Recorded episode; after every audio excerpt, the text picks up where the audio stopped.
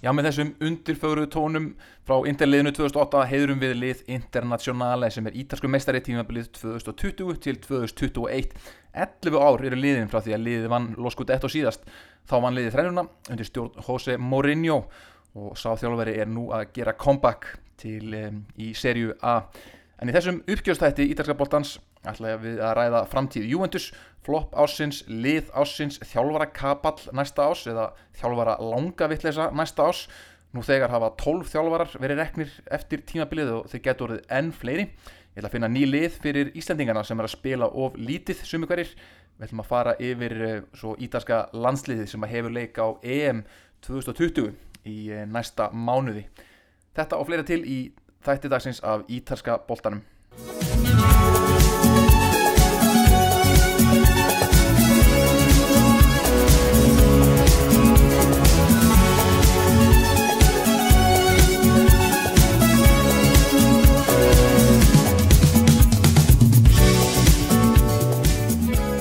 Já, verið velkomin í þennan uppgjörstátt Ítalska boltans.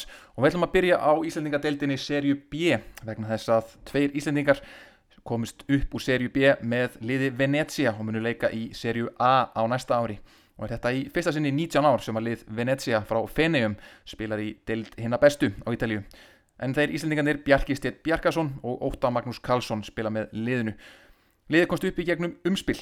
Uh, vann Cittadella í úrslitaleik úrslita Envi það séður unnu 1-0 á útivelli og þeim uh, dugði líka að uh, tapa 1-0 heimavelli. Vegna þess að ef að liðin voru jöfn þá hefði liðið sem endaði ofar í deildinni farið upp.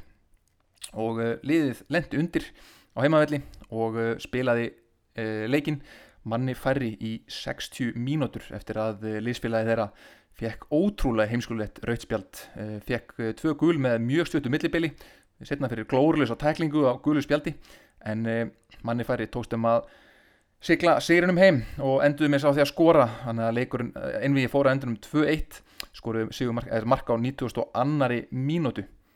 Bjarkistedt spilaði 10 mínútur í fyrri leik liðana í úslaleiknum 1-0 sigrinum á útivelli gegn Cittadella en Óta Magnús er mittur og hefur ekki komið sögu í síðustu leikjum Venezia Ásamt Venezia er það liðin Empoli og Salernitana sem að fara upp í efstu deild og öll þessi þrjúlið eiga þetta sammeinlegt að vera mjög nálagt eða í túrista svæðum sem við Íslandingarnir sækjum mikið í á sömrin. Empoli leikur auðvitað með fram ánni Arno sem leikur í gegnum Flórens. Empoli aðeins 30 km einni stuttri vespuferð frá uh, Flórens þar sem er auðvitað skemmtilegt að fara mitt á milli uh, Luca og Flórens. Salernitana er auðvitað frá bænum Salerno á Amalfi ströndinni rétt hjá Positano þar sem Íslandingarnir hafa flakkað í, í 30 ár. Og verður skemmtilegt að fara á útileiki þar. Þeir eru með virkilega góða uh, og brálaða stuðnismenn eins og sást á óverðunum sem var brutist út þegar Salernitana treyði sig upp í efsutild og svo er það auðvitað Venezia sem er liðið frá Feneum það er ekki bílastæði við völlin í Venezia heldur eru bátastæði það er að fara á völlin á bát og liðið fagnaði auðvitað sérunum ekki í opinni rútu heldur á opnum gondola. Sildu um síkin í Feneum á gondola eftir að hafa unnið og uh, munu leika næsta ári á heimavelli sínum Pier Luigi Penso í efstu deildi. Eins og ég segi í fyrsta sinn í 19 ár. Venezia er með bandaríska eigendur sem hafa komið með svolítið af fjármagni en hafa líka verið að skáta vel og skáta leikmenn frá Skandinavíu. Auðvitað þrýr Íslendingar, þess að tveir sem hafa leikið með aðaliðinu og einn í úlingaliðinu og síðan hafaði líka sótt annar leikmann Dennis Jónsson, normaður sem var virkilega drúur núna á loka sprettinum Uh, ungu leikmaður sem að uh, ólst upp hjá Rosenborg og Ajax spilaði svo fyrir Herenven en náði sér ekki alveg á stryk hann kom til Venezia fyrir uh, þetta tímabill og var frábær á loka sprettinum og læði upp síðasta markið þarna í úslita leiknum í umspilinu. Þannig að við erum fann að skipa ekki á hópferð á næsta ári á Pierluigi Panso leikvangin til að sjá Venezia spila. Við vonum auðvitað að þeir tveir báðir Uh, Bjarki og Óttar verður þar áfram og uh, fáið að spila í efstu deilt en við skulum fara hans yfir Íslendingana í serju B. Mikael Egil Ellersson leikmæri úlingaliði Spal hefur ekki fengið tækifæri með aðaliðin á þessu tímabili sem hefur komið mikið óvart vegna þess að já, Spal hefur hann er spilað frábælega með úlingaliðinu sem er með betri úlingaliðum á Ítalju og hann er svona snöggur sóknamaður sem að já, ég held að hann myndi fá tækifæri með aðaliðinu nú er komin nýr þjálfari, Rastelli heitir hann sem að sangat mínu heimildum er mjög góð þjálfari og mikið uppgreitt fyrir liðið. Og uh, það er vist búið að staðfesta það að hann mun æfa með aðaliðinu, hann Mikael Egil núna í uh, sumar á undirbúinstímbilinu og bara vonandi nærað að uh, komast inn í aðaliðshópin og fá að spila í serju B á næsta ári. Spalsins að var auðvitað í serju A fyrir tveimur árið síðan en komst ekki upp núna. Þetta er lið sem er með mikinn metnað og vonandi hann fá að leika stort hlutverk þar. Nú, Bergistinn, ég býst nú ekki við öðrun að hann verði áfram í Venecia Ítalsku liðinu þetta hefði undirbúinstífumverið sitt núna í eh, júli öll ítalsku lið byrjaði því að fara upp í Alpana í fjallalóftið til að uh, hefja undirbúningi þar spila aðeingarleiki við einhverju umurleg amatör Alpalið og uh, ég býst ekki við öðrun að Bergistinn og óttar líka ef hann verið heil fái tækifærið þar. Uh, en þetta er svo aðeins að pæli í því hvað leikminn ætti að gera ef þeir fá ekki að spila hjá sínum liðum. Bergistinn er alltaf ennþá ungur og ef að Venecia uh, tekur upp á því að lánan til dæmis eitthvað þá eru nokkuð lið þarna í seri B sem getur verið góð fyrir hann. Og sjálfur myndi ég eh, sjá fyrir mér að hann getur farið til dæmis til Monza Monza uh, rétt fyrir utan Milano uh, liðið sem var Berlusconi á. Það er komið nýr og betri þjálfari en svo sem var áður. Giovanni Stroppa heitir hann. Og væri rúglega fín staður að fara á lán ef hann fær ekki að spila að, aðalísbolta með Venezia á næsta ári í efstu dild Birkir Bjarnarsson í Brescia er að renna út á samning. uh, Brescia vil endur semja við hann en sangat ítisku fjölmjölum þá eru þeir bara bjóðunum eins ás samning. Hann vil tveggja ára samning. Þannig að hann er að skoða önnur samningstilbóð en það kemur ekki fram hvaðan þau tilbóð koma. Hann getur vel spilað í serju B og jafnvel í serju A. Og uh, svona ef ég ætti að ráleikjónum ef hann mætti velja sér lið þar sem hann getur ekki að spila þá myndi ég til dæmis hugsa Já, út í Nese, ég hef svo deilt Feti fótspor Emils uh, spilaði sín síðustu ári í serju A í, út í Nese uh, auðvut við Brescia, það sem hann er núna það er svona meiri ró yfir liðin klubnum út í Nese það er ekki jafn, rugglaður fósetti miklu meiri ró og svona já, þeir þurfa lið sem þarf reynslu. Sem reynir að byggja svolítið upp á ungum talentum með gamla eldri reynslu meiri leikmenn inn á milli. Hann væri flottur til dæmis í út í Nese og geti leist margar stöður þar Nú, svo er Andri Fannar Baldursson sem að fekk því miður lítið að spila með Bologna í vetur. Það, það er minna heldur en búist var við. Á spurning hvert, hver hann ætti að spila á næsta ári. Og við förum í svona gískleik eða reynum að uh, ímynda okkur hvað hann myndi henda inn. Já, þá myndi ég, ef ég væri hann, uh, fylgjast með því hvert Vincenzo Italiano, þjálfari Spezia, fer. Hann er, er ennþá þjálfari Spezia og uh, mörg, mjög mörglið sem hafa áhugað því að fá hann sem þjálfara en það er ymmit þetta í þjálfvarinn sem að getur gert tekið leikmann eins og andra fannar með hans uh, hæfileika og hans eiginleika og gert frábæra hluti fyrir hann. Það voru tveir miðjumenn sem að spila undir Vincenzo Italiano núna á þessu tíðanbili kannski ekkit mjög ólíkir andra. Þeir uh, Tommaso Pobega og Giulio Maggiore sem báðir komist í úlingarlandsliðið og ekkit, eru ekkert langt frá ítalska A-landsliðinu eftir að hafa spilað undir Italiano. Og ég held að hann geti verið frábær þjálfari fyrir andra. Þannig að ef hann vantar að fá spiltíma og fyrir að lána næsta tímanbili þá myndi ég skoða hvar við hvaða stjórnvöl í Vincenzo Italiano verður. Og hvað var þar Emil Hallfredsson þá var kannski ósnemt að spáð fyrir um það hvert hann fer á næsta ári. En liðið hans Padova er núna að hefja þáttöku sína í umspilunum að komast upp úr serju C. Hans menn í Padova mæta liðinu Renate í doubleheader núna sem er held ég eh, undan úrslitt eða áttalega úslitt þannig að það er nóg eftir að tímabölunni fyrir hjá Emil Hallferði sinni og ósnemt að segja til um það hvað hann spilar á næsta ári. En þetta voru Íslandingandir, við skulum hvaðja liðin í serju B, Empoli, Salernitana og Venezia sem, kom, sem að komi upp og spila í aðildinni á næsta ári og fara í uppgjörið á serju A á þessu tímabili. Og við byrjum á botninum það sem þrjúlið fjallu Parma, Crotone og Benevento ekkert sem kemur mikið óvart þar kannski fyrir utan Parma.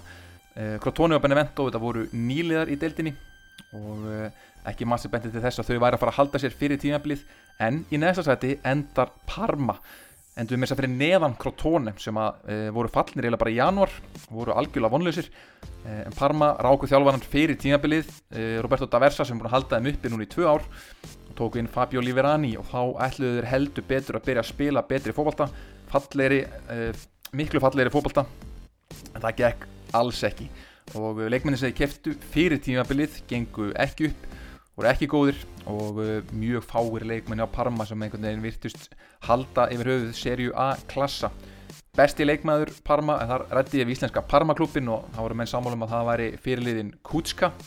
Þessi miðjumæður sem spilaði auðvitað áður með AC Milan það var alvöru baróta í honum, hann barðist til síðasta blódrópa mestu vonbriði tímabilsins ég það er kannski auðvelt að segja þá Gervinho sem var umurlegur á stórum köplum og verðist vera algjörlega búinn. Og það segir kannski allt um það hversu búinn hann er að uh, hann er núna strax kominn til Tyrklands og farin að setjast í Helgan Stein þar á einhverju liði sem ég man ekki eins og hvað heitir.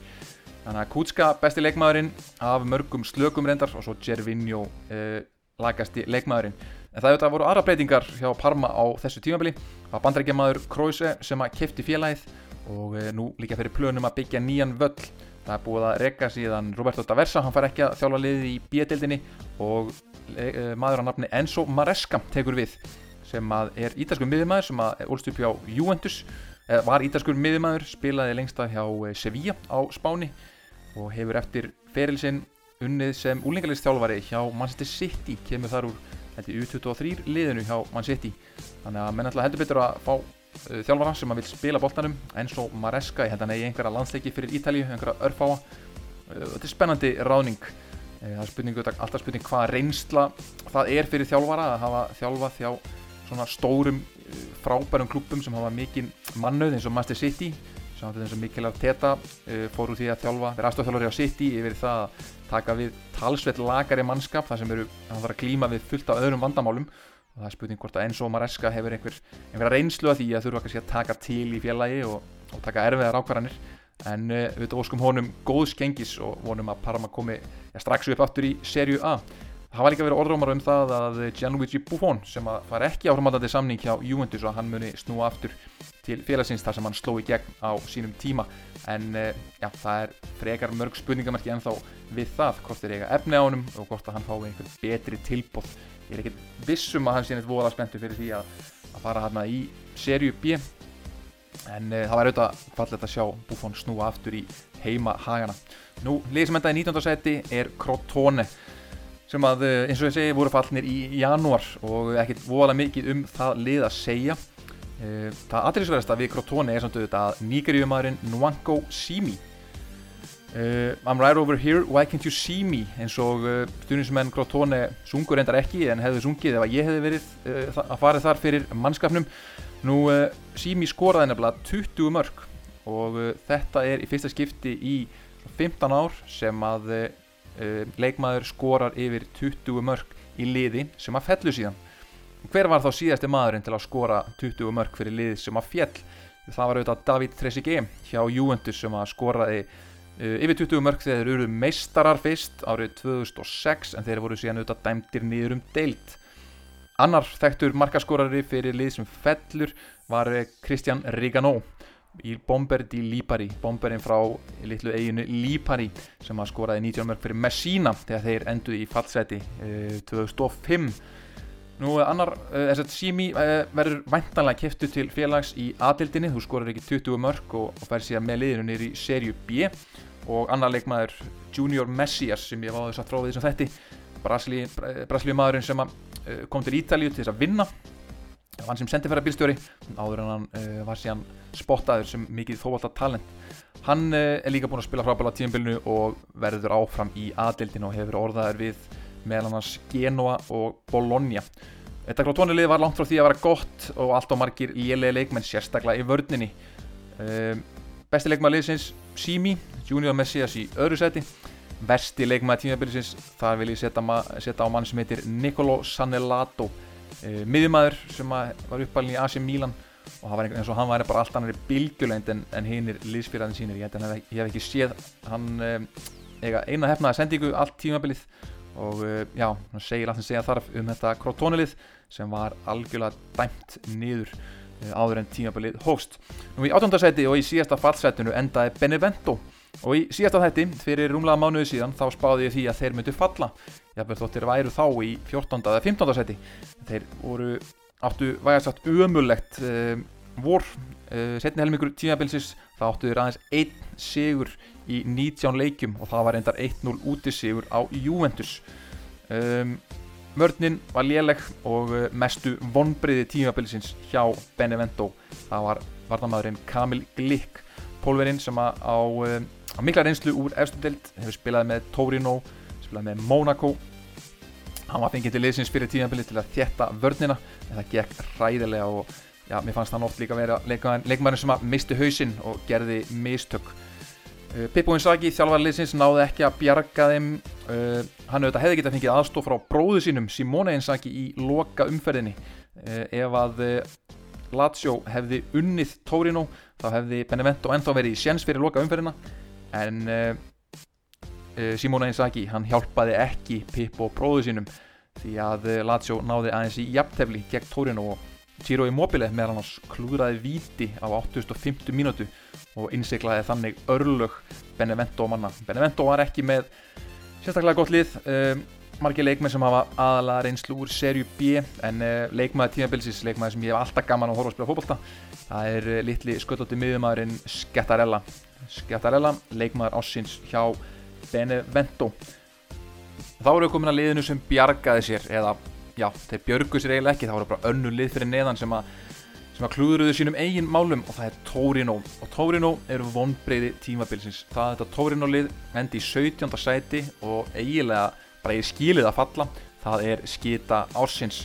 Uh, Marco Giampaolo hóf tímabilið sem þjálfari var reygin uh, rétt fyrir áramót og inn kom Davide Nicola sem átti að berja og stappa stálinu í mannskapin og það tókt svona passlega fyrst en svo endur þeir á því að fara, uh, áttu í lók tímabiliðsins fimm leiki án sigurs. Á þeim tíma þegar þeir ætluður að bjarga sér og fullt af liðum höfðu ekkert að spila fyrir. Þannig að þetta voru vonbreyði, vonbreyði tímabilsins með allt of góðan mannskap til þess að vera í þessari stöðu. Uh, meðal annars með Andrea Bellotti landslýsframherja Armando Izzo sem á landsleiki. Við vorum með uh, Simone Zaza sem á landsleiki Simone Verdi sem á landsleiki Ansaldi sem er argentinskur landslýsmæður þetta er allt og gott lið til þess að vera í þessari stöðu. Og þeir litu Davide Nikola fara þjálfara eftir tímabilið. Besti leikmaður liðsins á tíðanbílunu, já það er ekkit margir sem er langar til að nefna þar, en það þó að nefna uh, hæri bakurinn Vilfred Singo frá uh, Fílabenstöndinni, fættur árið 2000, kom mjög skemmtilegur inn í þetta og framtíðina fyrir sér. Uh, Vombrið tíðanbílsins, þar geti ég nefnt mjög marga, en langar að lókum að nefna þá uh, Thomas Rincon fyrirliðin, uh, leikmaðurinn sem á fortíð úr Juventus og fleiri góðum liðum. Uh, alls ekki nógu gott tímabil fyrir hennan reynslu bolta. Nú uh, annar leikmaður sem átti umulett tímabil er Salvatore Sirigu markuruliðsins uh, fyrir um leikmaður PSG hann er í ítalska landsleisofnum á okkur óskiljanlegan hátt. Hann misti sætið sitt í liðinu og ekki hvað, hvað þetta var. Hörmunga tímabil og fósitið liðsins var ekki sáttur. Rak David Nikola eftir tímabilið og er núna búin að taka inn mann sem heitir Ivan Juric og Ivan Juric þjálfaði Hellas Verona á þessu tímabili. Og uh, hvernig þjálfari er uh, Ivan Juric við skulum lesa það sem að Gazettan hafði að segja um uh, það þegar Ivan Juric var ráðinn þjálfari Torino núna fyrir tveimur dögum síðan. Knastbyrnar hans er eins og Barolo sem er einmitt uppáhaldsvínið hans sem flæðir gladbeitt, gladbeitt og skilur eftir óendanlegt bragð hún er kortalauðs leiðsögn á hafi þar sem engan má sjá sjóndeldarhingin hún er blöndun hugmyndafræði, tímabila, reynslu heima sem sóttir er úr körfubólta, fótbólta, blaki og sundknattleik. Já, Gazetan er mjög hrifinn af Ivan Juric og skiljanlega, hann er búin að eiga núna frábær, 2-3 frábær tímanbíl með eh, Hellas Verona og uh, tórinumenn held ég að geta verið mjög sáttir með að fá inn Ivan Juric sem þjálfara. Hann var áður aðstofamæður eh, Giampiero Gasperini í mörg ár og uh, spila svona samskunar fótbólta. Uh, mjög vel drillu lið, mjög skemmtileg lið, sóknarlega á að horfa þannig að það eru vonandi bjartari tíma framöndan hjá Tórinu þessu já, gamla stórveldi sem að má muna eh, fívilsinn feguri nú í 16. sæti þar eru við með eigaskekjana í Cagliari sem að björguðu sér og já, það var eiginlega ótrúlega björgun sem að þeir lögðu í núna í januar þeir sóttu í reynsluna. Þeir eru alltaf gott lið til þess að falla og ótrúlega þeir hafa verið í fallseti til að byrja með. En letu þjálfvaran Eusebio Di Francesco fara og sóttu fyrirhandi þjálfvara Spal uh, Semplici sem kom hana í januar og snýri genginu við. Og þeir björguðu sér með nokkrum ævintýralegum sigurum á loka mínutunni og hvernig er annað hægt? Þegar þú ert með eh, leikmenn eins og Diego Godín sem á marga leiki með Atletico Madrid og Inter Daniele Rugani, með leikmann Juventus Raja Nainggolan, þeir eru með Ragnar Klavan þeir eru með uh, hinn frábæra Joao Pedro sem að ég ætla að nefna ennóttur sem uh, leikmann ásins hjá Cagliari. Uh, annar leikmaður sem var frábær þeim er markvöldurinn Alessio Cranjo sem er líka uh, vilúðandi ítalska landsliðið. Um, en liðlegasti leikmaður liðsins á þessu tímanbili að mínum að Giovanni Simeone svonur El Cholo hjá Atletico. Uh, þessi framherri átti mjög erfitt með að skora á þessu tímanbili og eina ástæðan fyrir því að þeir voru í bastli þarna í, í byrjun tímabils. Þeir gátt ekki keift sér sigur. En nú þeir björguðu sér og við sjáum þá áfram á næsta ári. Í 15. sæti erum við með Spezia liðið frá strandbænum La Spezia. Þar tókst Vincenzo Italiano að vinna kraftaverk maður sem búin að koma uh, þremur mismandi klubum upp um uh, þrjár deildir á síðustu þremur árum hún tókst að halda Spezia uppi í fyrstu tilraun uh, og er þjálfari ásins að mínu mati. Uh, hann er mjög eftirsóttur eins og gefur að skilja eftir þetta frábæra tímabill það eru Sassuolo menn vilja fá hann hann er viðraðin við Lazio Hellas Verona hafa verið orðaði við hann og fleiri. En uh, eigendur Spezia þeir vilja ekki losna við hann. Og hann er ennþá með samningi eitt ári viðbútt þannig að það er ekkert vist að hann muni fara neitt. Þessu ári voru komið ríkir bandarækjumenn og keftu félagið Spezia og eh, gætu þannig uh, náða lokkan til þess að vera einhvern veginn áfram og uh, reyna að byggja eitthvað aðeins meira upp heldur en hefur verið. Ég hef mikið talað um spetsið þessum þessum þáttum áður og kannski mest allt hefur verið sagt. Hann hefur náða að búa til kjúklingasalat úr kjúklingaskít það verður að segjast og tekist að gera marga leikmenn sem að engi vissi hver var eða hefur kannski ekkert gert sérstaklega góða hluti áður að frábærum leikmennum og tveir ja, skemmtilegustu leikmennir að mínumatti það voru miðjumennir Eh, Tommaso Pobega eh, sem var á láni frá AC Milan og er búist í því að hann munum fara aftur til AC Milan og berjast um byrjunleysætið þar. Og eh, hinn maður hann á miðunni Giulia, Giulio Maggiore sem hefur verið orðaðið sterklega við Róma fyrir komandi tífambil þetta voru svona tveir mótorótnir á miðjunni. Síðan er það sem líka sýnir hvað hann er góður þjálfari það eru meðsla vandraðin sem að lendi í, í hjá framherjónu sínum. Hann byrjaði tífambilið með búlgarska framherjan Sergei Galabinov sem að skoraði eins og óður maður í fyrstuleikjunum þannig að hann mittist. Þá kom næsti maður Emil Endsola eh, sem að skoraði fulltamörkum svo mittist hann, þá kom Kevin Agudelo sem er allt öruð sem frammeir inn í byrjunalið hann skoraði líka helling. Það var eins og það var alveg sama hvaða leikmenni var að spila upp á topp fyrir Spezia hvort það verið stórir eða litlir eða feitir eða mjóir. Þeir skoruðu allir og og uh, þeir eru kannski líka já, tóku þátt í það sem ég vil meina að sé leikur ásins, eða leikur tímabilsins sem var uh, sigur þeirra 2-0 sigur þeirra á heimavelli á AC Milan. Ég hef aldrei séð svona lélitt lið eins og Spezia með eins lítið launabudget yfir spila stórlið uh, eins mikið og þeir gerði við þessum leik. Bara AC Milan sá ekki til sólar allan liðlangan leikin þannig að Spezia 15. seti mjög verðskuldað og það verður gaman að fylgjast með þeim á næsta ári Þá erum við komin að 14. setinu og þar höfum við út í Nese liði sem ég spáði nú að væru, eh, myndi vera í fallbarátu á þessu tímabili. En uh, þeim tókst að uh, gera lítið úr þeim spátómi mínum. Mér finnst þér ennþá, jafnvel eftir á þegar maður skoða tímabilið svona eftir á heikja ekki með neitt sérstaklega skemmtilegt lið.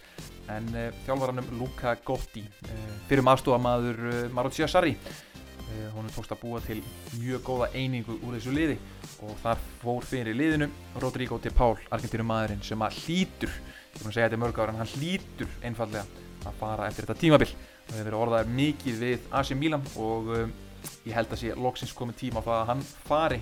Annar leikmaður sem að mann nefna sem var frábær það var markvöðurinn Juan Musso argentískur markmaður sem hefur líka orðaðið við flestöll stórliðin um, annars eins og ég segi, lítið um þetta lið að segja. Vorum með að deilt, hvorki fjöldni fiskur og uh, já, vonandi að það taki við aðeins meiri spennandi tímar hjá þeim að þeir reynir kannski að byggja upp á ungum og spennandi leikmönnum. Um, í staðin fyrir að reyna bara að halda sér uppi og, og vera svona í einhverju miðjumóði næstu ár. Þá er rauðin komin að öðru liði sem að var í fallbaróttu stóra, stóran hluta tímabilsins og það er Fiorentina, þetta gamla stórveldi. Ekkert gekk á þessu tímabili. Þeir byrjuðu með eh, Beppe Iacchini sem þjálfara. Takkið illa þá rákuður hann og réðu Cesare Prandelli sem kom inn og var aftur farin út eftir örfáa mánuði eftir að hafa ja, glimtið einhvers konar þunglindi eða erfiðleika uh, andlega erfiðleika. Þá kom Iacchini aftur inn og eftir enda tímanbili í 13. sæti og með leikmannahóp alls ekki nógu gott. Uh, einn ein af svona bjöttustu stjórnum þeirra á tímanbilinu er Serbin Dusan Vlahovic fættur árið 2000 þannig að hann er aðeins uh, tvítur að aldri. Hann skoraði yfir 20 mörg á tímanbílinu og eiginlega öll mörgin komu eftir áramót.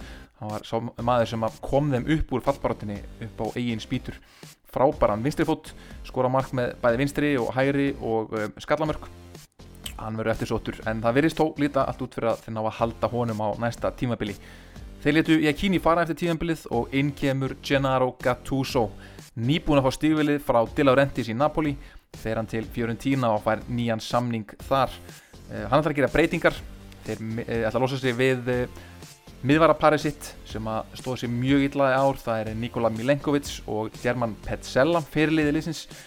Og inn ætlaði að fá Alessio Cranjo í markið. Ætla að skipta út markverðinum Dragovski sem að er eftir svo tur á stórum liðum og ætla að nota peninginni að kaupa Cranjo frá Cagliari þegar þetta er hann að fá Stefano Sensi frá Inter sem að kemur enda mjög óvart ef þeim tækist að kræki hann því að þegar hann er heill þá er hann auðvitað eitt besti miðumæðar landsins. En uh, við erum að glíma mikið við meðsli en það verður mikið synd að sjá hann uh, fara frá Inter til Fiorentina. Það er svona ekki, ekki gott skrif á ferlinum hans. Og síðan ætlaði Gattuso er hann að fá með sér Matteo Politano, kampmannin frá Napoli. Og svo vilja það líka endilega endur semja við Frank Ribery sem að síndi takta á, á þessu tímabili en uh, var samt alls ekki nógu góður fyrir þá. Uh, svo ætlaði ég að reyna við Domenico Berardi frá Sassuolo en ólíklegt að það muni takast það sem Berardi hefur verið mjög lojal gangvært uh, sínum mönnum í Sassuolo. Þannig að enn og aftur mikla breytingar á milli ára hjá Fiorentina mikla breytingar fyrir næsta ár en þeir eru líka með moldríka bandaræska eigendur Rocco Commisso og mikið metnað og vilja gera betur en þetta 13. sæti fallbaráta uh, fram á nánast loka umferð annað árið í röð þetta var ekki að, að, að þekkja af Fiorentina liðinu og þá eru við komin að Íslandíka liðinu Bologna í 12. sæti enda þeir heldur sér fyrir ofan fallbarátura nánast allt tímabilið sín í sem er Hælovits að gera fína hluti þar það eru talsveit af ungum og spennandi leikmörum sem eru eftirsóttir á stórliðum en eh, liðið heldur sér samt sem áður aðalega uppi á jafnteflum. Þeir vinna sjö leiki og gera heil 11 jafntefli á tímabilinu. Nú uh, í vördninni er það japaninn Tomiyasu sem er eftirsóttur bæði af AC Milan og fleiri liðum. Svo er það á miðjunni uh, hollendíkurinn sem ég hef áður talað um, Gerdi Skjáten. 23 ára hollendingur sem er búin að vera frábær núna í, á 1,5 tímabil með Bologna og hefur verið orðaður við já, bæði AC Milan og uh, líka Napoli og Fiorentina. Og spennt að sjá hvað hann gerir. Og svipaða sögu er að segja um svíjan Mattías Svanberg sem er búin að spila skora mikið miðjumæður sem að skila mörgum. Þetta eru eftirsóttir leikmenn á Ítalju í sóknarlínunni eru þetta Danin eh, Robert Skov Olsen uh, Andreas Fyrirgeði Skov Olsen búin að vera góður og uh, kannski svona besti ungi leikmæður ásins á tímanbílunu bara í deildinni. Emanuel Vignato pættur árið 2000 um, búin að leggja upp frábær mörg fyrir uh, Bologna. Hefur bæðið spilað á kantinum og í hólunni Emanuel Vignato kom frá Kievo Verona í serju B uh, í fyrra. Frábær leikmaður þar á ferðinni. Þannig að það eru svona fullt af uh, skemmtilegum póstum í þessu liði sem að Mihailovic er búin að gera goða hluti með. En Mihailovic er samt sem áður orðaði við þjálfarastöðunar á nokkrum öðrum stö, stöðum þóttan sem er tvö ára eftir af samningi hjá Bologna, hann að framtíð hans er í óvissu. Og spurning hvað Bologna menn gera. Þeir eru þetta líka með eh, ja, bandaríska eða kanadíska eigendur. Talsvöld af peningum og þeir ætla sér ekkert eitthvað að hlut, minni hluti heldur en þeir hafa verið að gera síðustu ár. Og gaman að sjá fylgjast með þeim uh, núna í sumar. Og sérstaklega hvað, uh, hvað uh, þetta sumar mun þýða fyrir andra fannar. Hvort hann fái fleiri tækifæri því hann þarf að spila meira á næsta tímabili heldur hann gerði núna á síðasta tímabili. Sætunum fyrir ofan Genoa Lítið um þá að segja, byrjuðu hræðilega, höfðu vita því að sparka þjálfvaranum og ráða inn Davide Ballardini sem bjargaði þeim og gott betur um það og þeir enda í 11. sæti. Í janúar fóruð þeir í reynstuna, sóttu inn Kevin Strótmann og uh, ásamt nokkrum ungum sprækum og í að bland við gamla reynstubólta þá uh, tókstum auðveldlega að halda sér uppi. Uh, helstu sóknarmenni þeirra voru þetta Mattia Destro sem aðeins búin að finna markaformið aftur eftir já, nokkra ára læð þessi fyrrum AC Milan og Roma leikmaður. Og síðan er það stóri ungi eh, efnilegi strækjarinn Gianluca Scamacca sem að eh, búin að vera mikið í fjölmjölum undanfarið. Ekki bara vegna þess að hann er ungur og efnilegur spilaði á U21 ás EM fyrir Ítalíu var orðaður við ítalska landslýshópin, A-landslýshópin þótt hann hafi ekki verið valinn að lokum spilaði á móti okkur Íslendingum í, á undirbúinus í hérna í riðleikefni fyrir EM. En nú síðast rata hann í fjölmjöla vegna þess að pappans réðst inn á æfingarsvæði Róma í Trigoria, rétt fyrir utan Róm klættur í Sassuolo treyu mætti það, mætti það með kúbein eða einhvers konar felgujátt og réðst þar á fullta bílum. Gekk þá inn á jæfingarsvæðið og var að leita sakat fjölmjölum að Bruno Conti Bruno litli Conti úlinga þjálfari hjá Róma fyrir um heimismistari fótballtaðar 1982 fyrir um Róma góðsögn og af hverju var pappans Gianluca Scamacca að leita Bruno Conti? Já, fjölmjölar hafa ekki svarað þessu með neinum hætti en uh, ég get ekki sagt annað en að þegar maður er á Twitter og fer svona að leita upplýsingum um þetta mál þá virðist sem að uh, þetta mál gæti eitthvað tengst uh, Bruno Conti, Gianluca, pappa Gianluca Scamacca og kærustu Gianluca Scamacca. Þetta er allt það sem maður getur lesið út úr því, að, lesið út úr því sem maður finnur á Twitter. En stóri fjölmjölarnir hafa allavega ekki fjallað mikið um þetta. Bendið til þess að þetta sé einhvað mál personulegs eðlis. Þetta mál tengd, uh, þótt að Gianluca Scamacca sé uppalinn hjá Róma þá verðist þetta ekki tengjast því neitt. En það vakti það mál mikla, mikla fyrðu og enginn sem að skildi hvaða hvaða reyði pappi Scamacca sætti að hafa í garð Róma? Uh, allt er undarlegasta mál og við vonum að sé allt í lægi með, með Bruno Littla Conti og pappa Gianluca Scamacca. Og í uh, tíundarsæti rétt á undan Genoa finnum við Hellas Verona lærisveina Ivan Juric. Ivan Juric eins og ég sagði frá hann er uh, hættur maðurinn uh, sem spilar fótbolta sem er eins og Barolo Vínið. Hann er farin til já, í heimahaga Barolo Vínsins hann er farin til Torino í Piedmont héræði og maður taka við þeim en skilaði frá sér frábæru tímabili hjá Hellas Verona sem endi í tíundarsæti margir skemmtilegi leikmenn í Hellas Verona sem að stórliðin eh, slefa yfir. Vinstibakurinn Federico Di Marco gæti farið eh, aftur til Inter þar sem hann er uppalinn eh, minn uppáðsleikmaður í liðinu Antonín Barak tjekkneski miðjumæðurinn sem við fáum öruglega að sjá á EM í sumar með Tjekklandi hann átti geggja tímabil með Hellas Verona og Mattias Sakanji annar sprækur sóknarmæður sem að fyrir öllum líkitum til Napoli núna í sumar. Mjög skemmtileg sóknarlína frábært tímabil hjá Hellas Verona. Bestu leikmyndir voru klálega Mattias Sakanji og, og Antonín Barak.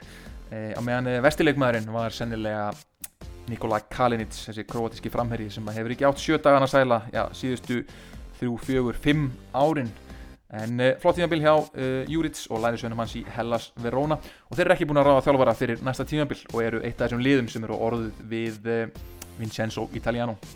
Nú í nýjundarsæti, þar finnum við Sampdoria, líka frábært tímabil hjá þeim undirstjórn Claudio Ranieris sem er hættur með liðið eftir tímabilið. Hann tilkynnti fjölmjölunum um það fyrir skemstu og uh, alla líkur eru á því að uh, Marco Giampaolo komi aftur til Sampdoria. Marco Giampaolo þetta gerði góða hluti með Sampdoria fyrir uh, þremur árum síðan, kom þeim í Evrópu, spilaði feiki skemmtilegan fótbolta.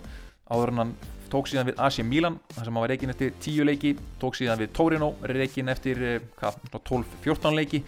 Og nú líklegt að hann komi aftur til Sampdoria.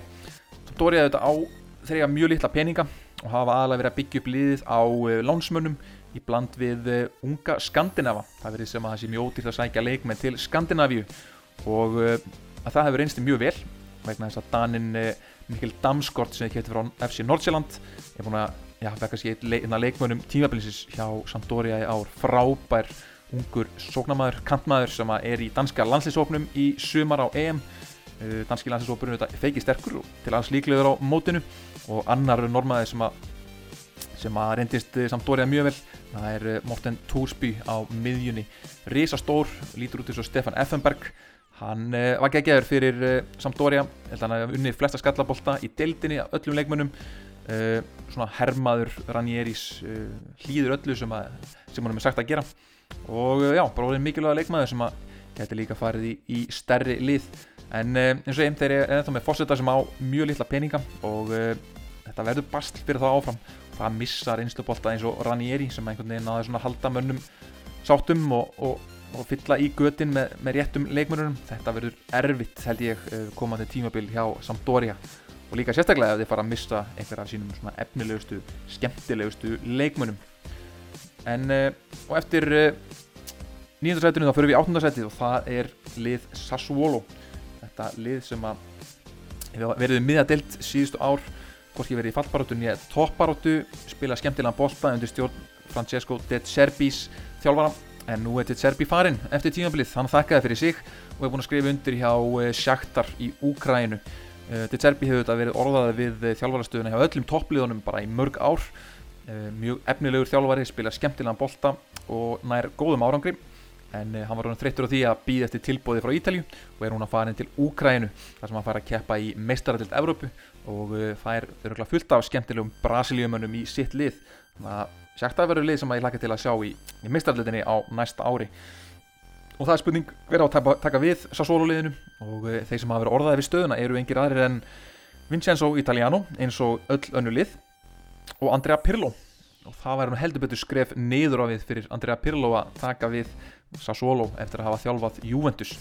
Þá er auðvitað ekkert eðlilegt eh, og mjög óalgengt rauninni fyrir eh, ítalska þjálfara að fá svona eh, eins og Pirlo tækifæri á stærstu líðunum á þess að hafa nokkra þjálfara reynslu áður. Þannig að þetta er ekki þetta er ekki eðlileg staða sem að Pirlo er í. Hann auðvitað útskrifaðist bara sem þjálfari síðasta haust bara eftir að hann tók við Juventus líðinu en já, það fara til Sassuolo núna og eða nokkrum árum þar með fínan efnið ágættis peninga engin pressa á að vinna titla heldur getur bara einbæðið sér að því að að spila flótan fókbólta, það kannski geti verið ágættis uppskrift fyrir Pirlo til að byggja upp ferilinn sinn aftur. Nú uh, það hefur lítið verið talað um leikmannakaup hjá Sassuolo, þeir eru þetta sækja bara unga, efnilega, ítalska leikmenn. Um, en þeir leikmenn sem hafa verið orðaðið mest í burtu það eru Filip Djuricic, sóknarsinnaður miðjumæður og um, svo eru stórliðin alltaf eins og okkur einast ári að reyna við Domenico Berardi. Þótt að hann endaði þetta aldrei á því að fara.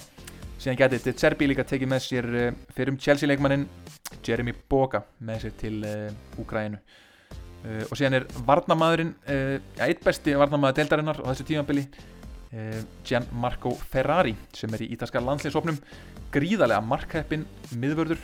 Hann verður líka eftirsóttur. Og kannski meiri líkur en minna og hann endi hjá stærra liði eftir tímabilið. En þá erum við komin að Róma sem endar hérna í sjöunda sæti. Þetta er ekkit annað en skandal fyrir þetta Rómalið þeir voru svo sem ekkit með hópin til þess að eh, vera kannski í topparötu það enda í sjöunda sæti og komast ekki einu svona í Europa League, þetta er í Conference League. Þetta er ekkit annað en skandal og við erum að sjá þjálfara skipti í Róma. Jose Mourinho er að taka við Róma og þetta voru uh, þjálfara skipti sem komu öllum mikið á óvart. Sama dag og hann var tilkynntur var risastór mynd í gazetunni af Maurizio Sarri. Undir fyrirsögninni Róma verður fyrir valinu vegna þess að eh, Sarri hefði átt í viðræðum við Tottenham, Fiorentina, Napoli og Róma en fjölmjölamenn töldu að hann væri búin að semja við Róma síðan sama dag var tilkynntum að Pálo Fonseca myndi ekki halda áfram með tímabilið. Eh, hann var í smá stormi eftir eh, slemt gengi í deildinni og, og stort tap á útíðvætti gegn Manchester United. Hann var kallar á neyðarfund með Fossetta Róma þar sem hann mætti og þessi glæsilegi maður sem stendur alltaf eins og kliftur út úr einhverju Peaky Blinders auðlýsingu uh, var ljósmyndaður fyrir utan þennan neyðarfund af paparöðsum þar sem hann stóð reykjandi stress, stress reykjandi sígrettu og leti út eins og hann hafi ekki sofið í eina sekundu fyrir þennan fund.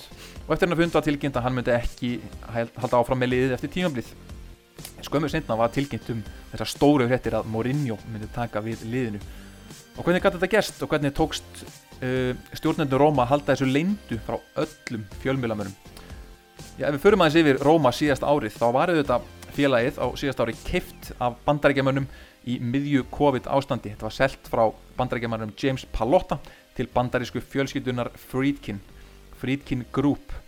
Uh, og í fyrra út af COVID þá gætt Frídkinn Group auðvitað gert rosalega lítið. Uh, leikmannamarkaðurinn var nánast frosinn og ekki að eigða miklum peningum uh, núna í janúar þessu ári þá var hann ráðinn til Róma sem yfirmæður íþróttamála Portugalin Tiago Pinto sem áður hafi starfað sem sporting director hjá Benfica í Portugal og þetta var svona fyrsta vísbendingin um það sem að koma skildi síðan var Mourinho reygin frá Tottenham í april og uh, í april fóru Rómverjar strax að ræða við Mourinho.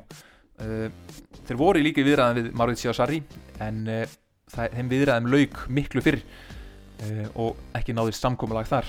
En það sem ég held að hafi gert útslægið við uh, komu Mourinho til Róma það er þetta 6-2 tap á útífelli gegn Manchester.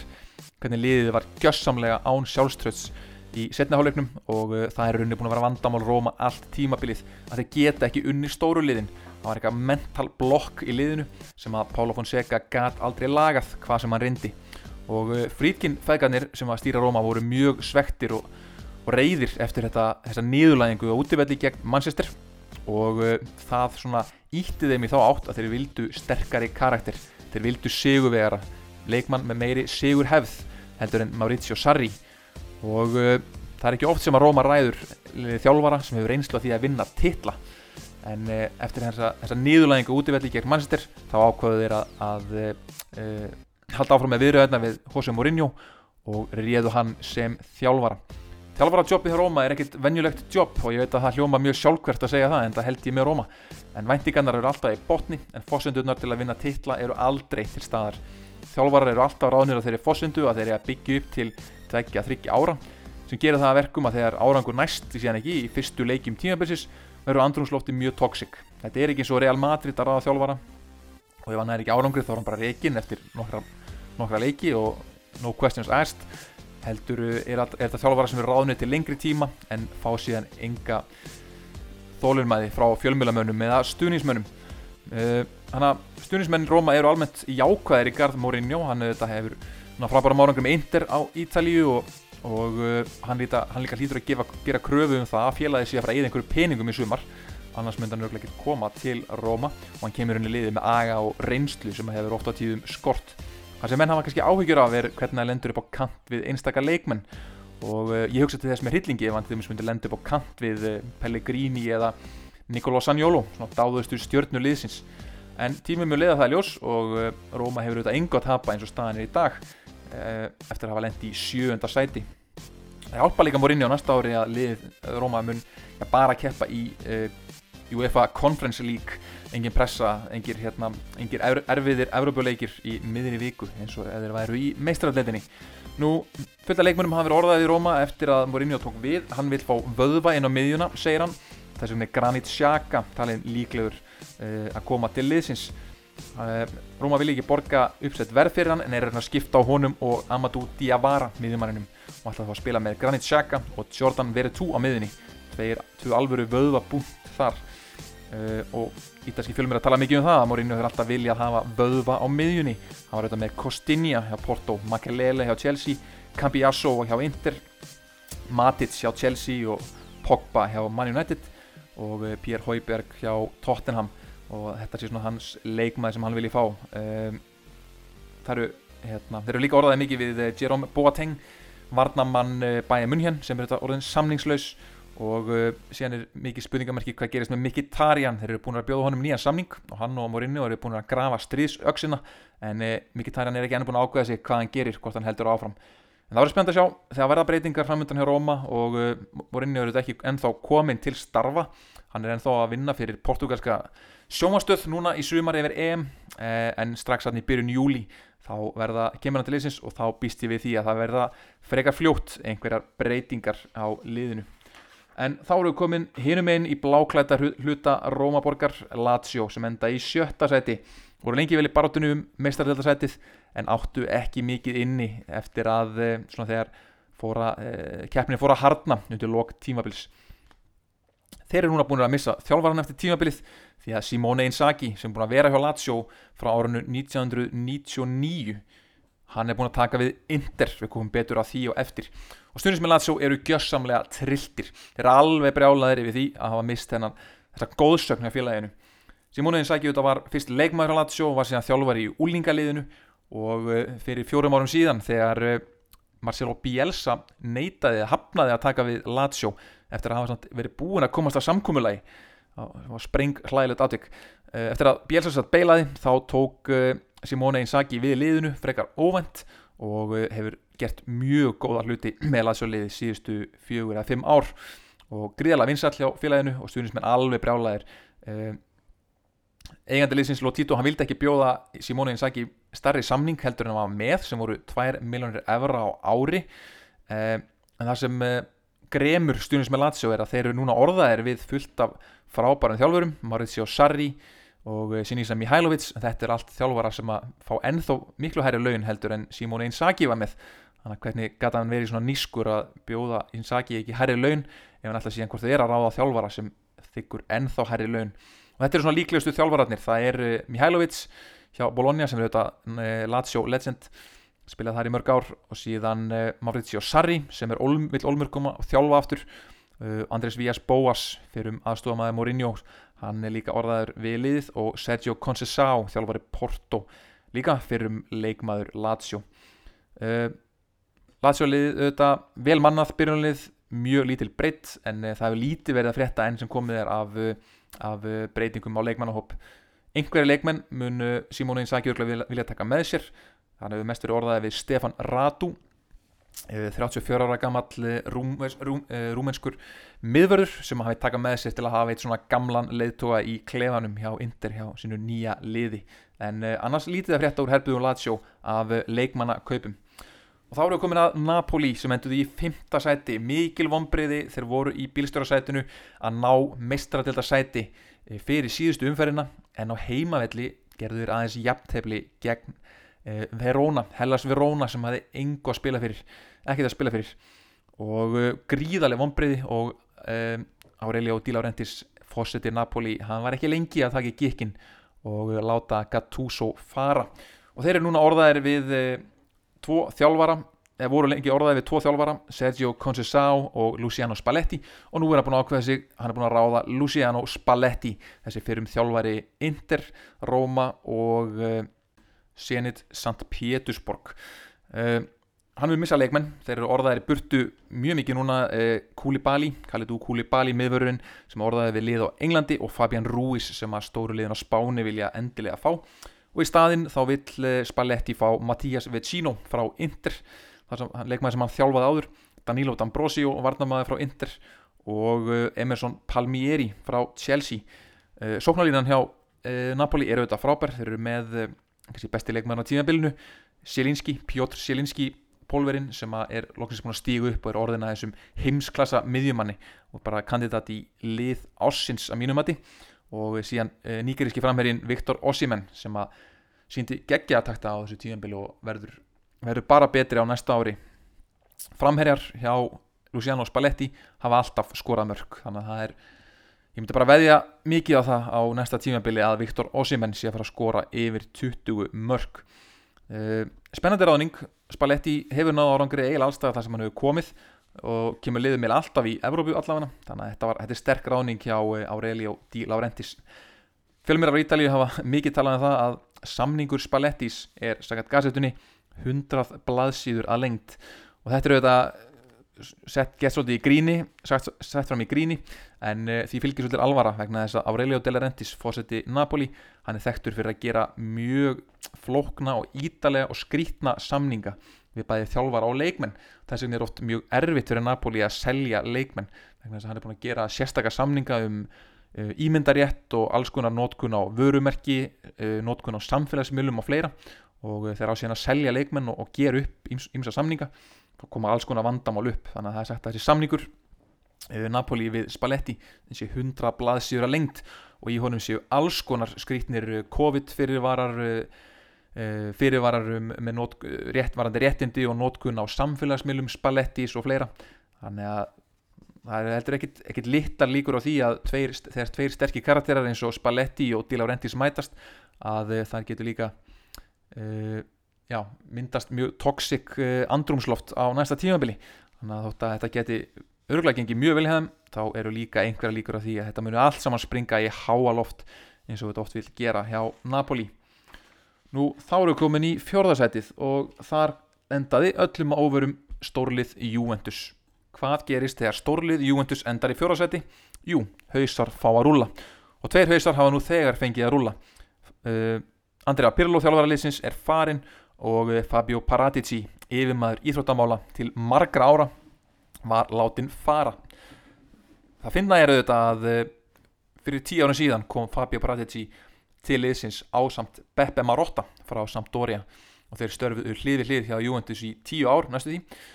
uh, síðan þegar Juventus kefti Ronaldo þá var Beppe Marotta á móti því að fá Ronaldo en Fabio Paratici var fylgjandi því að fá Ronaldo það endaði þannig að Beppe Marotta var látið fara og hann fór til Inter þar sem hann, hann tókst núna að vinna titilinn. Og núna aftur út af reyðrildi út, út af Ronaldo þá var Fabio Paratici látin fara. Og Juventus ætlar í staðin að ráða mann sem heitir Federico Cherubini sem nýjan yfirmann íþróttamála. Juventus er líka að ráða aftur mann sem heitir Maurizio Arrivabene. Og uh, ef það er einhverju aðdáðendur Formúlu 1 hérna þá uh, vitið þið hver það er? Silfur Refurinn sem var uh, liðstjóri Ferrari í mörg ár. Starfaði þar áður fyrir Juventus. Starfaði þar áður fyrir tópaksrisan Philip Morris. Bara svo ég vitið aðeins hvernig típa þetta þessi maður er. Óaðfinnalegur Silfur Refur sem kemur aftur inn í stjórn Juventus. Með það starfa við hlið Agnellis fósetta og Nedved sem verður varafósetti og Cherubini yfir maður íþróttamála. Og Juventus er líka búið að ráða nýjan þjálfara. og það er Max Allegri. Max Allegri uh, var ráðinn. Fabio Paratici var ekki fylgjandi því að ráða hann aftur. En uh, Allegri vann þá valdabaróttu Paratici farinn, Allegri kominn inn. Og þá var leikmannamálum því að uh, hópurinn var auðvitað stærsta vandamál Juventus. Ítla samsettur hópur fyrir þetta tímabill en það er ekki sérstaklega mikla breytingar fyrirhugar á hópnum Ronaldo verður á öllum líkundum áfram með við það nýjustu fréttir. Kærastar hans var að tjá sig á samfélagsmiðlum meðal annars, síðan er bara erfitt fyrir Juventus að losa svona dýran leikmann. Nú uh, Rabiot verður áfram hjá liðinu líka. Miðjumæður sem hefur ekkert verið sérstaklega vinsall hjá stuðnismönnum Juventus. Uh, Federico Chiesa verður áfram. Kulusevski verður áfram. En uh, Líkmaður sem verður sennilega ekki áfram er Wojciech Chesney markvörður. Að reyna að selja hann til að kaupa eða til að sæna Donna Ruma ókipis frá AC Milan. Vandamálið er bara að Chesney er á 7 miljónum evra á ári sem er gríðala hátt fyrir markmann og eh, Juventus verða ná að losa hann eða ætla að fá Donna Ruma til liðsins. Nú leikmaður sem að Juventus vilja kaupa það er, þá vantar miðjumann viljaði meina, þeir vilja fá annarkort Miralem Pjanic aftur frá Barcelona eða Manuel Locatelli frá Sassuolo sem var hefur einn af þessu leikmenni sem eru orðaði við öll stórlið í mörg mörg ár. Og nú er komið tíma það að hann klæði sig í röndóttan búning á norður Ítalju eins og fjölmir að tala um. Ef við skoðum aðeins hvernig þjálfari að leikri er þá hefur hann það fram yfir kannski Pirlo og, og flesta aðra þjálfara. Hann er uh, ekki með svona sína eigin aðferði sína eigin hugmynd um það hvernig eigi að spila fótballta hann er rosalega góður að búa til lið úr því sem hann hefur. Þannig að ef þú vilt einhver þjálfara með þennan Juventus hóp eins og hann er í dag það sem, sem virðist vera frekar ítla samsettur þá viltu vera með þjálfara eins og Allegri sem að teksta búa til besta byrjunlið úr því, þeim efnivið sem hann hefur. Uh, hann hefur verið mjög hrifin af Dybala á uh, síðast, síðast en hann var þjálfari í Juventus. Og líklegt þess að Dybala fái stort hlutverk. Og uh, þetta verði þá Dybala, Kulusevski, Chiesa og Ronaldo sem að muni spila í framlýninni en Ronaldo þó kannski í aðeins meira takmarkaðara hlutverki heldur en síðustu ár. Eh, við sáum það í síðasta leiki dildinni þegar Juventus triðið sér fjóraðsætið þá byrjaði Ronaldo á bekknum. Eh, einhvað sem við hefum aldrei séð gerast tveimur árum áður til dæmis. En kannski er þetta vísbendingum að Ronaldo sé að fara að samþykja aðeins minna hlutverk eða samþykja það að kvíla í ákveðnum leikum til að geta blómstrað í öðrum leikum það var auðvitað eitt af vandamálum Jóntus og tíðanbjörnum líka hvað eh, þeir voru vandraði með að pressa hátt með hann inn á vellinum. En uh, að fá að leikri inn, ég held að sé rauninni að besta sem að Jóntus gæti gert. Þeir voru mikið orðaði við Sítan en uh, ég sé ekki alveg hvernig Sítan hefði átt að ná einhverjum meistaratöktum út úr þessu, þessu Jóntus liði. Það þarf þjálfara sem að eins og að leikri hér uh, svona ekki með sína fyrirfram ákveðna hugmyndum hvernig fókbalta á að spilast þetta sem getur svona nýtt uh, eiginleika hvers og eins leikmanns og uh, þar er að leikri meðal þeirra allra, allra bestu. Og það má ég heldur ekki glemja því að leikri kom þeim þó í úslita leik meistara deildarinnar eitthvað sem að þeim tókst aldrei eftir að leikri fór. Þannig að þetta er áhugavert hjá Juventus leikmar ásins þar að mínumati Federico Chiesa sem kom frá Fiorentina fyrir tímabilið frábær og uh, var auðvitað líka líkil maður í að uh, vinna fyrir þá byggarinn þegar auðvitað auðvitað ítalski byggamestrar með sigri á uh, Atalanta í úslita leiknum. En ekki gott tíðanbili hjá Juventus og það verða breytinga framöndan Juventus er líka eitt af þessum liðum sem er ekki ennþá búið að útiloka alveg superlík hugmyndina og spennand að sjá hvort að UEFA ger eitthvað í þeim málum hvort að þau fara eitthvað í það að reyna að banna þeim uh, liðum sem að útiloka ekki League frá spili í meistaradeildinni. Þetta voru spennandi sumar fyrir Juventusmenn og þá eru við komin í þriðja sætið. Og þar er Spútniklið Atalanta í meistaradeildinni þriðja árið í röð núna á næsta ári. Uh, frábært tímabil að baki hjá þeim. Þar verða breytinga framöndan eins og alltaf. Þegar þetta eru lið sem að lifir á því að uh, kaupa ódýrt, selja dýrt þeirra helsta söluvara held ég að sé Robin Gossens bakvörðurinn, vinstri bakvörðurinn uh, frá Þýskalandi sem er búin að vera kannski eina af þeirra bestu leikmönum á þessu ári. Hann uh, vildi fara í fyrra, fekk það ekki en mun á öllu líkitum fara núna. Síðan er markvörðurinn Pierluigi Golini orðaður við önnulið og þá getur þið selt hann og kæft í staðin Emil Audero frá Sampdoria. Þeir eru líka orðaðið við það að selja Josip Ilicic sem er nú orðin 34 eða 5 ára en hann er orðaðið við Lazio og AC Milan. Leikmaður sem er að syngja sér síðasta held ég hann ég held að það væri nú alveg sniðut sjá þeim að selja hann þótt að sé kannski eitt skemmtilegsti leikmaður deildarinnar á að horfa þegar hann er í stuði. En þeir eru þá orðaðið við aðra leikmenn í staðin vilja endilega að fá Tomiyasu miðvörðin japanska frá Bologna og eru líka orðaðið við Jerdy Scouten miðjumannin hjá Bologna sem backup fyrir uh, Martin Derún miðjumannin hollenska. Uh, ef þeir selja síðan Gossens þá munum þeir í staðin kaupa Davide Zappacosta fyrir um leikmann Chelsea. Þannig að þetta er sama tukkan hjá Atalanta þeir munum losa leikmenn og þeir munum kaupa leikmenn í staðin þeir munum líka örgulega kaupa fullta leikmennu sem við hefum aldrei hirtum og þeir munum allir slá í gegn. Það auðvitað voru stóra fréttir á tímabilinu miðju tímabilið, þeir mistu auðvitað Papu Gómez, eða seldu Papu Gómez til Sevilla í januar og við það breyttist svolítið Atalanta liðið. Breyttist spilamennskan, þeir uh, mistu svona lítinn teknískan örugan á boltan gæja sem að hjálpaði mjög mikið til í uppspilinu og uh, breyttist svona meira úr já, 3-4-3 yfir í 3-5-2 pjúra 3-5-2 og uh, það voru bara aðra leikmenn sem að stegu upp í staðin eh, en þeir þurftu aðeins að breytum leikstíl og þetta sýnir líka hversu góður þjálfari Gasperini er. Missir fyrirliðan, stjórnu leikmannin út af einhverju reyfrildi og einhverjum stælum og hann bara sendir hann út og uh, liðið heldur áfram að performa. Og auðvitað ótrúlegt og algjörlega einstakt að liðið ná að, að enda í þriðja seti meistarleita spil enn eitt árið. Nú uh, þeir eru líka orðaðir við Jeremy Boga frá Sassuolo og Calvin Stengs frá Hollandi spilar í Aseta Alkmaar aðeins 22 ára gamall. Hann, þetta getur verið næsta stjarnar Atalanta. Leikmaður tímabilins hjá Atalanta ég ætla að segja þessi Robin Gossens og Luis Lilli Muriel í öðru seti uh, en annars voru eins og oft vil vera hjá toppliðunum margir frábæri leikmað þannig sem gera tilkætt til þess að vera leikmaður ásins þá erum við komin í annarsætið AC Milan og uh, þeir rétt náðu mestaraldarsæti í síðust umferð eftir að hafa verið á toppnum uh, lengi vel í byrjun tímabils. En frábær niðurstæði AC Milan að ná öðru sæti og þeir, þeir náðu þessu öðru sæti með því að sigra Atalanta í síðustu umferðinni mjög þroskað lið lið sem þroskaðist mjög mikið bara við það að fá inn Zlatan Ibrahimovic.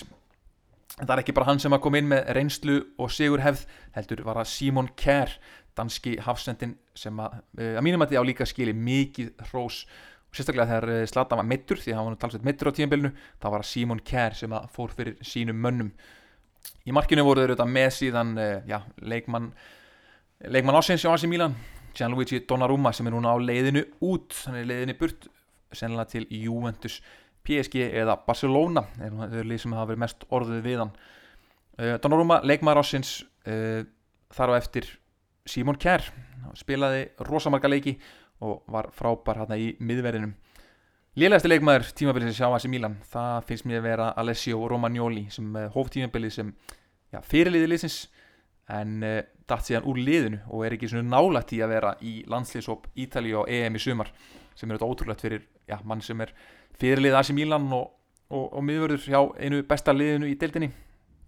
Múna, átti umöðlegt tímabill og, uh, og hann er núna verið orðaður mitt í burtu frá Asi Milan. Uh, Juventus og Asi Milan ætla mögulega að skipta á Federico Bernardeschi og Alessio Romagnoli, tvei leikmenn sem átt erfitt uppdráttar á síðasta tímabili og kannski með því að skipta á þeim þá náðu þeirra svona breytum umhverfi og, og trekja þessa leikmenn í gang aftur.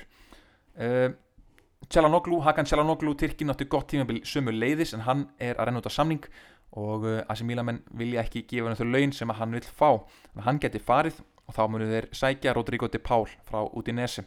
Loksins fær hann þá tækifærið í, í toppliði og uh, þrjótt að kiptu líka fyrir tímanbilið uh, Norðmann Jens Petter Hauge sem að spilaði mjög vel síðasta haust og lofaði góðu en hann er alveg dottin út í kuldan núna undanfarið og hann geti farið í skiptum fyrir uh, Rodrigo de Paul til Udinese. Og uh, já, það verður kannski bara fínt fyrir hann að fá að spila reglulega þar. Þeir ætla að uh, kaupa síðan Brahim Díaz frá Master City, hann er búin að vera hérna á láni og uh, ætla líka að kaupa Tomori frá Chelsea ef þeir eiga efni á því. Síðan verður auðvitað spennt að fylgjast með miðjumannum Tommaso Pobega sem að kemur aftur á láni frá Spezia hann fær örgulega tækifærið í sumar á, á vundimónstímbilinu til þess að, að uh, sína það á sanna að hann sé nóga góð til að spila fyrir AC Milan og ég, ég trúi því að hann muni gera það. Þá er komið að nýju sigurverunum í Serie A Internazionale. Antonio Conte tók við liðinu fyrir tveimur árum síðan og hann notaði síðasta tímabil í að byggja upp liðið sitt. Uppskriftin er svipuð að notaði hjá Chelsea þar sem hann vann deildina með þryggjamanna vörn, tvo strækjara sem að vinna þjætt saman, notaði síðan bara mjög einfalt uppspil til að koma boltarum í hættulegu svæði, einfalt uppspil sem er drillað alveg ótrúlega oft og ótrúlega vel. Í viðtali við gassetuna sagði Beppe Marotta yfir maður íþjóttamála hjá Inter að mikilvægasta púslið í þetta segulið hafi verið Lukaku og voru það líka erfiðustu kaup sem hann hefur nokkuð tíma gert Konti var alveg vissum það að það væri rétti maðurinn til þess að koma með titilinn til Milano borgar og það er allir sammála því í dag. Lukaku er búin að vera besti og mikilvægastu leikmaður indir á tímabilinu. Og í drotningaviðtali við gassetuna segir hann að Konti hafi kent honum mikið og sérstaklega snýrað andlega þættinum að gera hann að segu vegara Anna leikmaður sem var líkilmaður þegar Inter tríði sér titilinn með 2-0 seri á Crotone það var eh, Kristjan Eriksson Danin sem vittist vera algjörlega út í kuldanum á síðast ári. En e, núna síðasta hálfa ári þá var hann snúin aftur í lið og hann og Konti verðast að rótnir bestu vinnir ef við skoðum einhvernagjöf gassetunar e, fyrir interliðið sem var svona sínir hverjir hafa verið mikilvægastir í liðinu þá eru þetta Lukaku efstur með nýju þar á eftir miðvörurinn Stefan De Vrij og Nicolo Barella og Lautaro Martínez og Akram Hakimi með 8,5 Bastoni skrinjar með 8 og svo aðrir með minna Lægstu engun af byrjunlýsmörunum Lægstu engun af líkilmörnum Inter. Það er markverðurinn eh, Handanovic. Og ef markam á ítalska fjölmila þá er ekkit örugt að hann verði aðal markverður á næsta ári. Hann hefur gefið nokkuð mörg á árinu og eh, Inter ætlar að kaupa einhvern eh, markmann til að gefa honum veitunum samkeppni og mögulega taka yfir stöðunans einhver eins og Juan Musso hjá Udinese eða Golini hjá Atalanta. Nú fljóðlega eftir að Konta hafði unni titilinn með Inter og í síðan mætti viðtal og tilengað sigurinn sjálfum sér þá sagði hann upp störfum. Hann sagði upp störfum eftir að fara á fund með Steven Sang fórseta Suning Group kínverska Suning Group sem á Inter. Vandamálið eru þetta það að kínverjar hafa ákveðið að hætta að fjárfesta í fótbolta. Þess vegna eru þetta allir leikmennir að koma aftur frá kímersku deildinni. Það er ekki lengur peningar þar og um, Suning Group má ekki fjárfesta meira í Inter heldur en þeir eru að gera. Það verður að draga saman seglin. Þannig að uh, Stephen Sang hann tilkynnti kontið að þetta taka á sig launalækkun og þeir getu ekki haldið áfram að fjárfesta í liðinu á næstu árum. Vegna þess að þeim hefur heldur ekki tekist að fá með sér nýja eh, evróska eða, eða bandaríska fjárfesta. En Conte hann nefndi því ekki og lappaði frá borði. Og auðvitað stuðnismönnum til gríðarlegar mikillar reyði og eh, mikil mótmæli sem mynduðist en það þeir eru ekki fyrirbúinir að vinna titilin aftur áður en allt er farið í skrúuna eh, þessi fyrsti titill liðsins. Síðan Mourinho vann titilin með þeim 2009-2010 nú fyrst að kontið að fara inn þá þurftu þau nýja þjálfara og þar tóku þeir Simone Inzaghi frá Lazio sem er auðvitað konti á frekar lágum launum. Konti var auðvitað launaðist í þjálfari heims með 10 miljónir evra á ári en eh, Simone Inzaghi var tilbúin að koma fyrir eh, talsvitt lærri upphæð. Það er eina af afstöðunum fyrir því að hann er ráðinn. Síðan er eh, Simone Inzaghi ekkit það ólíkur konti í leikstíl, spilar þryggjamanna línu 3-5-2 og vil gerna beita skindisóknum með mjög fysikalið, liðin byggir ekkit voða mikið á spilið sitt á possession þannig að hann kannski hendar ágætlega þessu, þessu interliði. En þetta er samt svolítið skrítið að einhvern veginn búa til lið sem að smeltpassa fyrir konti og ætla síðan að láta því hendunar á þjálfara sem hefur unnið talsvert minna. Simone Inzaghi hann vil uh, taka með sér Stefan Radu frá Lazio en uh, síðan eru þeir Asli Jóng hann er að fara frá Inter vinstri vangbakverðurinn og Akraf Hakimi er virðistverða leikmaðurinn sem að Intermenn ætla að fórna. Er þurfa að selja, þurfa að fá peningin og Hakimi, þessi frábæri hægri vangbakverður, hann er leikmaðurinn sem þeir eru að fórna og er að selja til PSG svona eina ástæðunum fyrir því að Conte er skiljanlega brjálaður. Aðri leikmenn sem þeir vilja selja eru Mattias Vecino til Napoli uh, Rajan Angolan verður ekki áfram Arturo Vidal er líka að fara og Alexis Sanchez verður sennilega ekki áfram heldur. Uh, en það þýðir þó að þeir ná að halda Lautaro Martínez og Romelu Lukaku allavega enn sem komið er. En uh, það er þegar þú drefur svona saman seglinn uh, borgar launin seint og illa eins og Inder hefur gert þá er nálega líklegt að það munu einhver fleiri vandamál blossa upp hérna í sumar. Og það er alls ekkert útséð hvernig fer fyrir leikmennum eins og Lukaku uh, þeir getur nú allt í hennu tekið upp á því eigundur Suni Grúpa að, að selja fleiri stjörnur. Þannig að það er ekki fyrr Inder er ekki fyrrbúið að vinna titilinn áður en allt er komið í skrúin aftur. Og næsta tímabill í serju A því orðið alveg jafn gal opið og það var á síðasta ári. Svona í lokin áður en yfirferðin yfir Inder líkur þá ætlum ég aðeins að rifja upp hversu djúft Inder var sokkið niður í fenið eftir sigurinn um, titilinn árið 2010 þannig að Mourinho þetta yfirgaf Inder árið 2010 eftir þrennuna og fjórum árum síðar þá spilaði Inder leik þar sem eftirfarandi var byrjunarlið og hlustur hún vel á hvað þið þekki marga leikmenn. Makkinu var Handanovic, vörnunni voru Hugo Campagnaro og bræðslumæðurinn menninir Rolando og Juan Jesus. Á hæri vangbækverði var Jonathan, á miðjunni voru Kovacic, Kuzmanovic og Jasmin Taiter. Vinstri vangbækverðinu var Japanir Nagatomo, frammi voru þeir Rodrigo Palacio og Ricky Alvarez. Og þetta er að mati interstunismanna eh, kannski Eh, deksta augnablík í sögu Inter svo kallar Banter era byrjunarlið hjá Internationale en eh, já, það var margt breytt síðan þá og eh, Inter með góðan sigur í deildinni í ár til þá að fara yfir lið ásins í serju A. Það er þannig skipað að í markinu er Donnarumma Gianluigi Donnarumma, leikmaður Asi Milan þar til nú. Þryggjamanna vörð, Simon Kjær Danilo frá Juventus, Kjær frá Asi Milan og Bastoni frá Inter. Í hægri vangbakveri er Hakimi frá Inter. Á miðjunni eru þeir Frank Kessi, Piotr Selinski og Nicolo Barella í vinstri vangbakveri er síðan Robin Gosens frá Atalanta og frammi eru þeir eh, Luis Muriel frá Atalanta sem er með bestu uh, marka tölfræðina per mínúta og Romelu Lukaku leikmaður tímabilsins í serju A maðurinn sem kláraði titilinn síðasta púslið í eh, púsluspilið Inter. Núna í lokin ætla ég að minna síðan á tvent. Þetta er fyrsta lagi að nefna í törsku kvennadeldina þar sem Guðni Átnáðdóttir og Laura Kristín Peðisen tókst ætlunumversitt að halda Napoli uppi í efstu deild. Það komi báðar hérna í janúar og stóðu sig frábælega og hjálpuðu þeim að bjarga sér úr ómögulegri stöðu. Þannig að Napoli leikur í efstu deild á Ítalju á næsta ári en uh, óvíska verðum með Laura Kristíni en uh, Guðni Átundóttir eru auðvitað að fara aftur til AC Milan sem að endaði í öðru seti í serju A kvennamegin í ár og uh, eru komnar í byggarúslitin kvennamegin eiga leik þar í kvöld þegar þetta er tekið upp gegn Róma þannig að hún er að fara í stert lið þum Guðni og uh, vonandi nær hann að byggja ón á þessum framistöðum sínum hjá Napoli í ár. Nú svo er lógin, alveg blá lógin ætlaði að nefna ítalska landsliðið á EM í sumar. Þeir eru með sterkan hóp Hópurinn er þannig að Donnarumma er auðvitað í markinu, varamarkmenn eru Salvatore Sirigu og uh, Alex Meret frá uh, hins annars vegar Torino og hins vegar frá Napoli.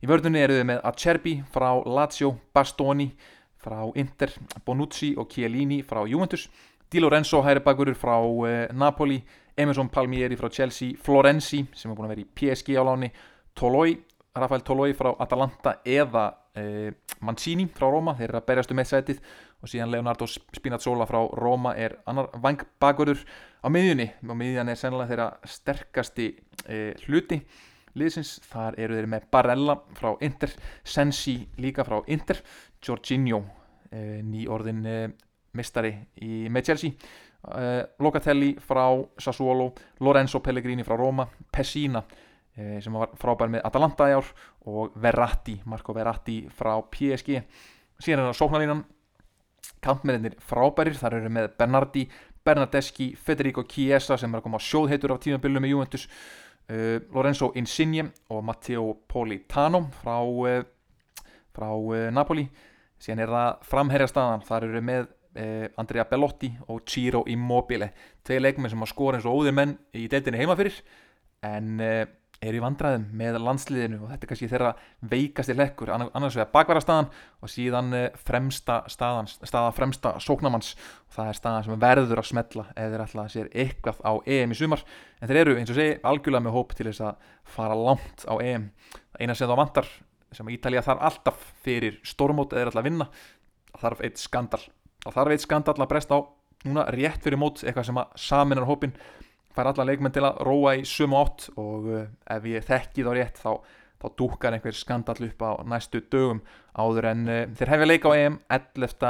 júni uh, í opnuleik mótsins gegn Tyrklandi og sen eru þau líka í riðli með Sviss og Wales þannig að þetta er riðli sem þeir ættu að fljúa upp úr ef við þekkjum ítalska landsliði rétt Veðbangar og áhuga menn eru ekki að spá ítölum sigri á mótinu af þeirra móti margi sem er að spá englendingum sigri Ég fór og skoðaði leikmannhóp englendinga um daginn en uh, það voru aðeins og margir englendingar í honum fyrir minn smekk. En uh, þetta var allt í þessu bókasti, þessum uppgjörstætti í Ídarska bóltans. Við sjáum til hvort ég kom með annan þátt núna í sumar ef eitthvað gerist skemmtilegt á EM til dæmis eða þá ef eitthvað skemmtilegt gerist á leikmannamarkaði til að undirbúa komandi tímabill en eh, við heyrumst aftur áfram Ítalja og verið í sæl.